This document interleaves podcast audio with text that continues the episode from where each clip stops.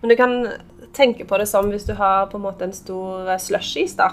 Og så putter du ned i sugerøret ditt, og så suger du opp litt slushis. Og så etter en stund så er det liksom Det føles tomt, så du flytter på det sugerøret. da. Lille julaften 1969 blir det annonsert at vi har funnet olje i Norge. Mye olje. Og det norske oljeeventyret var i gang. Det skulle forandre Norge. Men hva er egentlig dette svarte gullet? Hvordan dannes det, og hvorfor er det så uhyre verdifullt? Vi er to studenter som i sommer har vårt første møte med oljebransjen. En viktig næring for norsk økonomi og velferdssamfunn. Men hvor mye kan vi egentlig om olje? I denne podkasten prøver vi å finne ut hva olje egentlig er, hvordan det dannes og hvordan vi finner det. Vi snakker med profesjonelle fagfolk hos Lundin Energy Norway, som har viet livet sitt til å lete etter og produsere olje. Mitt navn er Eline, Og jeg er Aurora. og sammen skal vi bli litt klokere på olje. I dagens episode skal vi lære om hvordan man går fram når man skal bore etter olje flere kilometer ned i bakken. Ja, og nå har vi, Aurora, vi har jo fått kartlagt hva olje er for noe, hvor den befinner seg, og hvordan man finner olje. Og Da tenkte vi at det er på tide å lære litt om hvordan man henter opp denne oljen, og prosessen før det kan bli drivstoff eller ja, andre, eh, andre bruksgjenstander og lignende. Og til det så er vi så heldige å ha med oss Inger Lise Fleischer og Beate Stoft. Jo, takk. Um, Inger Lise Fleischer. Jeg er boreingeniør her i Lundin. Jeg er utdanna boreingeniør fra Texas Tech University og NTNU. Og har jobba her nå snart i fire år. Jeg heter Beate Hustoft og er 53. Og eh, er utdanna geolog fra Universitetet i Oslo. Og har jobba i oljebransjen siden jeg gikk ut i 97. Har jobba veldig mye um, offshore. eh, Og jobber vel egentlig i skjæringspunktet mellom geologi og, og ingeniørkunst. Og har jobba for Lundin de siste ti årene snart. Og her jobber jeg mye med, egentlig med leteboring og datainnsamling mest. Hvor mange ulike brønner finnes det, og er, hvordan brukes de?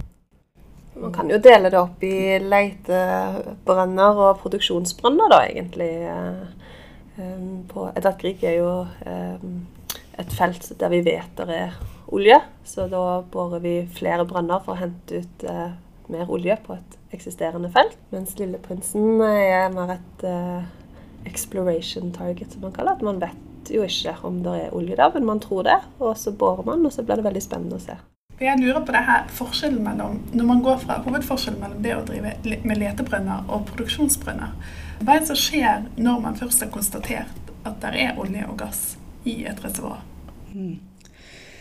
Da, mm, da har du som regel forlatt brønnen. Da har du vært der og bora et hull og samla inn så mye data som du, som du tror du trenger. Og så støyper du hullet igjen og, og forlater det. Eh, og så er det landorganisasjonen da, som, som setter seg ned med alle disse dataene som er samla inn, eh, og prøver å, å kvalifisere. De, de har jo ofte en, en modell på forhånd der de har en idé om hva de tror de skal treffe, og hvor de, hvordan de tror dette er.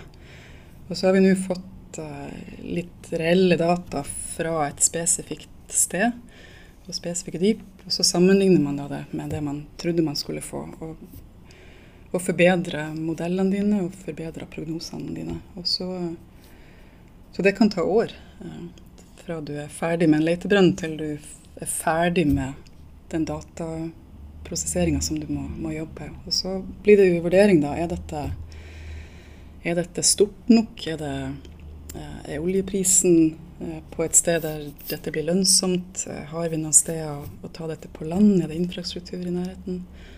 Eh, Har vi rigg til, til å bore mer?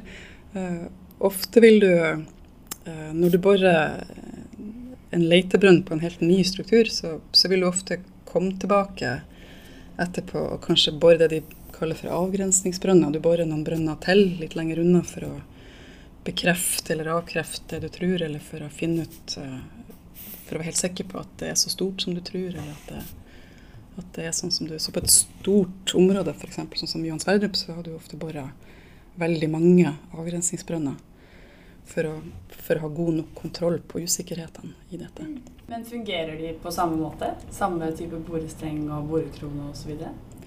Veldig mye er, er likt. Um, ofte er den største forskjellen at på en leitebrønn borer du bare rett ned.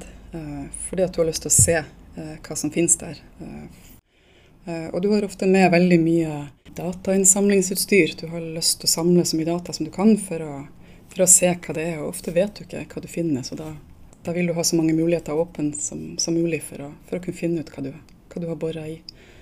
Mens i en produksjonsbrønn ofte skal du bore ofte med høyere vinkel. Um, du vet litt mer om hva du uh, finner, men du skal kanskje styre litt mer, så du trenger, trenger litt andre instrumenter ofte. Uh, og så blir det ofte en mye lengre brønn. Det blir ofte en mye lengre brønn, ja. Og så blir det en forskjell der hva vi gjør når vi har bort til, til NS. Så på en Eh, exploration-brann, så er man på en måte ferdig. Da har man funnet ut eh, det man skal finne ut. Og så går man tilbake på kontoret og planlegger litt mer. Mens på en produksjonsbrann da må man sette inn utstyr som gjør at vi kan produsere oljen eh, på en sikker måte. da. Mm. Kontrollert. Mm. Men hvordan, f.eks. produksjonsbrønn, hvordan konstruerer man en sånn brønn? Altså fra man, ja, fra man starter i overflaten og til man når ned i de dypere lagene der man finner olje og gass? Det begynner jo eh, veldig tidlig i planleggingsfasen. At uh, subsurface og geologer og geofysikere kommer og sier vi har lyst til å bore hit. Som er kanskje 2000-5000 meter vekk fra plattformen. Og da uh, må vi da som boreingeniør lage en brønnbane. da, Lage en plan for hvor skal vi komme fra plattformen til der de har lyst til å hente ut oljen. Og så så er det en lang planleggingsprosess, så vi må kjøpe inn en del utstyr til det. Og så under selve boringen, da, så, så borer man eh, litt avhengig av hvor, hvor, man er, og om man er på en flyterigg eller en fast installasjon, så avhenger det litt. Men eh, man kan kanskje se for seg hvis man er på en strand og begynner å grave i sanden. ikke sant? Etter du har kommet et stykke, så begynner sanden å kanskje rase inn litt putter man ned noe som vi kaller for casing, da, eller foringsrør, som det heter på norsk. Og så må man jo komme videre, så da graver man litt mindre hull, og så setter man inn et litt mindre røyr etterpå. Blir det litt som at man kan se for seg litt sånn teleskop ja. nedover? Mm. Ja. Så på en tegning så ser det veldig sånn teleskopaktig ut. da. Du har, begynner først med et stort, veldig stort hull, kanskje 36 tommers hull. Så putter man inn et 30 tommers eh, foringsrør, eller casing, konduktor i dette tilfellet. og så og så borer man eh, noen hundre meter med det, og så må man, eh, er det kanskje 20 toms casing man setter inn, inn, i det, som er mindre. ikke sant? Og så blir det mindre og mindre. Så da borer, man med en borekrone til et visst dyp. Så trekker man ut av hullet med borekronen, og så går man inn i hullet med en sånn casing, da. Som da barrierer av det vi allerede har bort. Så pumper vi sement eh, gjennom den, sånn at vi får sement mellom bergarten og utsiden av det eh, foringsrøret eller casingen. Og så går man ned med mindre, en mindre borekrone og borer et mindre hull, da. Og så fortsetter man sånn nedover. Ja. Jeg tenker det her er jo komplekse prosesser. Det ene jeg lurer på, er jo sånn Hva er det man observerer når man borer seg ned på denne måten, og hvordan ser man hva man borer i? Kan kanskje jeg si litt om vi, uh, Inger-Lise forklarte det jo godt her, egentlig, men selve borestrengen er jo eh, hule metallrør. Eh, som der du skrur sammen som regel lengde av 30 meter. Eh, og i bunnen av de sitter det ei borekrone. og så har du mellom borekrona og på en måte dumt, dumt metall, så setter du ofte også en del måleinstrumenter. Um, og gjennom dette pumper du det vi kaller for boreslam. Um, som du pumper fra overflata og ned gjennom innsiden av røret, og så kommer det ut i borekrona, um, og så opp til riggen igjen. Så det er et lukka system. Og dette gjør du både for å holde formasjonen uh, på plass, sånn at den ikke skal rase ned før du kan få ned et foringsrør, uh, men også for å kjøle ned borekrona, uh, og for å få fjerna alt det borekakset som du produserer når du borer nytt hold. Så alt det blir transportert eh, opp til riggen, og så tar vi oss av det der. Så, så når vi skal se på hva vi har bora gjennom, så er det borekakset vi får opp, er på en måte det første du ser på, det, det er rett og slett knust stein av det du har bora. Så det sitter det geologer ute på riggen og, og analyserer i mikroskop og ser på. Um, så kan du også ta det de kaller for borekjerner. Da, da kutter du eh, en hel lengde med stein eh, på en måte inn, inne i dette røret. Um, som blir sånn typisk ca. 10 cm i diameter og kan bli rundt 30 cm lang f.eks. Uh, og så trekker du den ut, og så har du en, en stor bit stein å se på. Og så har du i tillegg alle disse måleinstrumentene bak borekrona. og da måler vi ganske enkle fysiske ting. Vi måler bl.a. radioaktiv stråling. Forskjellige bergarter har forskjellig radioaktivitet. F.eks. mange har hørt om at uh, granitt kan ha f.eks. radonstråling. Skifre har ofte litt stråling, så det måler vi. Vi bruker lydbølger. Vi har instrumenter der nede som lager små bankelyder. Og så har vi mottakere, så vi, vi ser hvordan lyden forandrer seg. En hard bergart vil lage en helt annen lyd enn en, enn en myk bergart. Som, som, på land du kan gå og banke en vegg og høre hvor det er hult bak. Um, vi sender strøm gjennom og ser hva som har skjedd med med strømmen på vei gjennom formasjon. Vi vet f.eks. At, at olje for eksempel, leder strøm helt annerledes enn saltvann vil gjøre. Og så prøver du å sette sammen alle disse tingene eh, for å forstå hva du har, hva har bora gjennom. Så, så, vi ser både på, på, steinen, men så prøver vi også å si noen ting om det porevolumet og de sprekkene som er der. Er det olje eller vann vi har her? Hvor hard er denne steinen?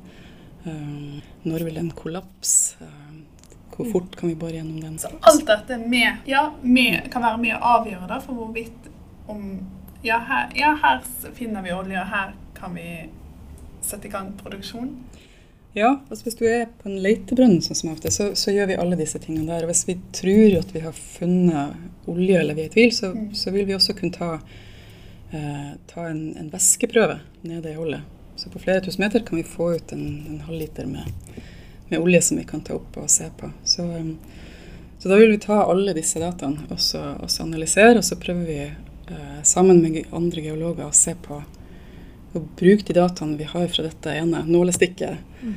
inn, i, inn i berggrunnen. Eh, og prøve å ekstrapolere og se hva kan vi bruke dette til å si noe om hele det vi tror er et, et større område, et felt. Og prøve å beregne volumer hvis vi har så stor porøsitet, hvor store volumer er det snakk om da? Vil det her lønne seg?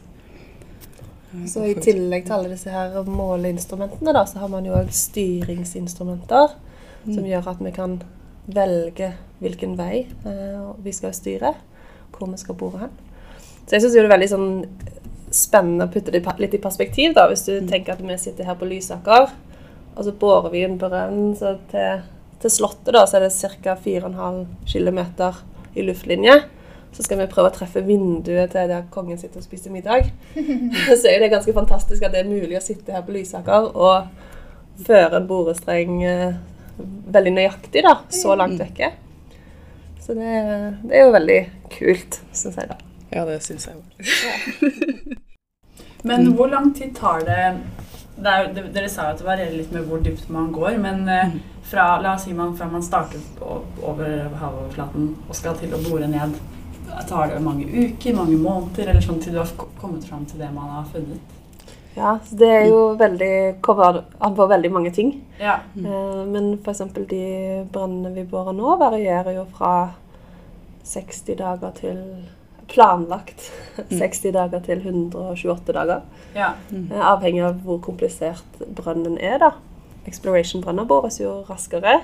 De, like, de, skal ikke ha like mye utstyr inn i brønnen. Men hva slags type hastighet kan en borebrønn Og borekrone, ja, hvor fort vi kan bore. Ja, er det ti meter i timen, eller? Mm. Altså, vi, vi, får jo litt kjeft fra subsurface, da, hvis, hvis, som hvis, vi, hvis vi borer fortere enn 30-40 meter i timen, da.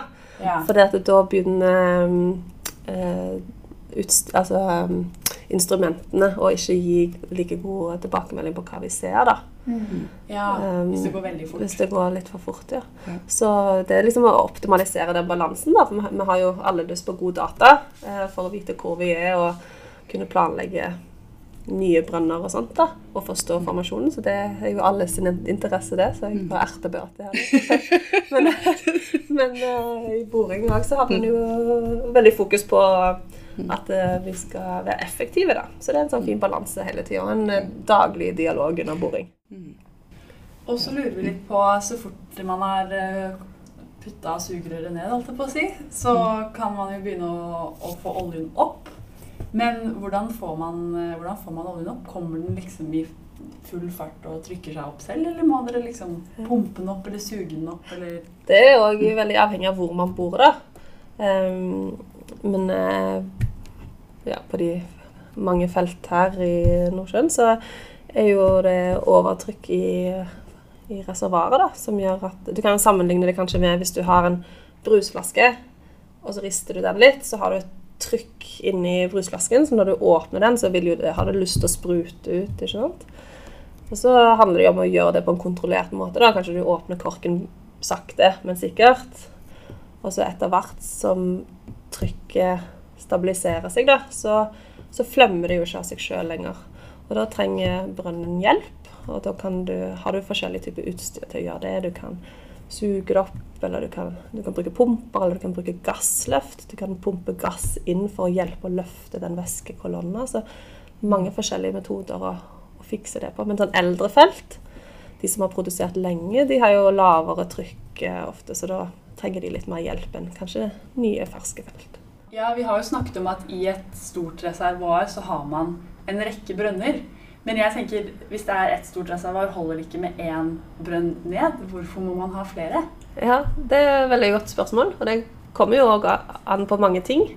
Hvor stort reservoaret er, og hvilken bergart det er. Hvor uh, høy porositet og permeabilitet det er i, det i den bergarten. da.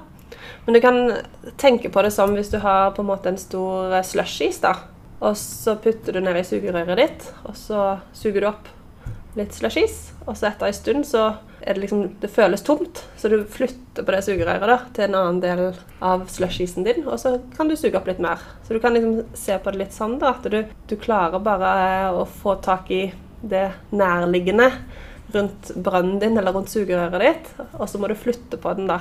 Men det er avhengig av som jeg nevnte, ting som porositet og permabilitet. altså hvor mye hulrom der er inni steinen, og hvor lett eh, oljen da kan komme seg gjennom de hulrommene og til brønnen der du produserer det opp. Ja, så da må man eh, flytte borestrengen og begynne å bore et annet sted? Ja, så man borer mange brønner da, for å kunne drenere, altså å få ut oljen fra hele feltet. da, Og ikke bare rett rundt der, hvis du hadde båret én brann. da. Mm. Men eh, så fort da oljen har kommet opp jeg regner med at det er ikke bare olje, men andre ting òg. Hva skjer med det så, når man har tatt det opp til plattformen? Ja, så det kommer jo ofte en blanding mellom olje, gass og vann, kanskje. Så kommer det på plattformen da, der det separeres. Sånn at du skiller ut oljen for seg sjøl og vann for seg sjøl. Og gass hvis det er gass for seg sjøl. Og så sendes det da til, til land, til raffineriet. I vårt tilfelle Kårstø, som får det. Og så raffinerer de det da på land der for uh, videre distribusjon. Da. Ja, og så blir det jo noe som vi mennesker kan bruke som drivstoff eller andre ting. Og det er jo en veldig fin avrunding på denne episoden. Tusen takk for at dere to ville komme hit og dele alt dette med oss. Veldig kjekt å få komme og prate litt med dere. Mm. Absolutt.